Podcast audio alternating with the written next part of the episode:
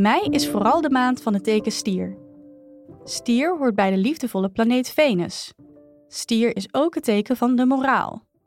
Daarom kan het zijn dat je deze maand een diepe afweging maakt en je geweten moet raadplegen om het goede te kunnen doen. Dat voelt als een heilig gegeven. Hoe vaak gebeurt het niet dat je iets zegt dat niet helemaal waar is, simpelweg omdat je een ander geen pijn wilt doen, of omdat je bang bent dat iemand boos op je wordt? Als stier ben je meestal goud eerlijk, maar zelfs jij komt niet aan deze white lies. Omdat mij kan leiden tot gewetensvroeging, zou je er spijt van kunnen krijgen als jij je schuldig maakt aan recht praten wat krom is, of een andere vorm van verbaal witwassen. Probeer zo zuiver mogelijk je woorden te kiezen. Blijf vriendelijk, maar ga een confrontatie niet uit de weg. Je zult verbaasd zijn om te zien hoeveel goeds het brengt als je het pad van de waarheid kiest en rustig alles zegt zoals het is. In relaties met anderen win je vertrouwen en respect.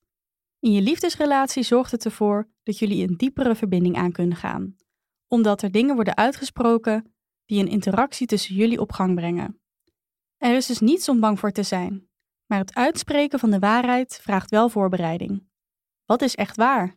En hoe kun je de waarheid verwoorden op een manier die voor acceptatie zorgt in plaats van strijd? Bedankt voor het luisteren. Wil je je maandhoroscoop nooit meer missen? Vergeet dan niet om je te abonneren op ons kanaal. Liefs, happiness.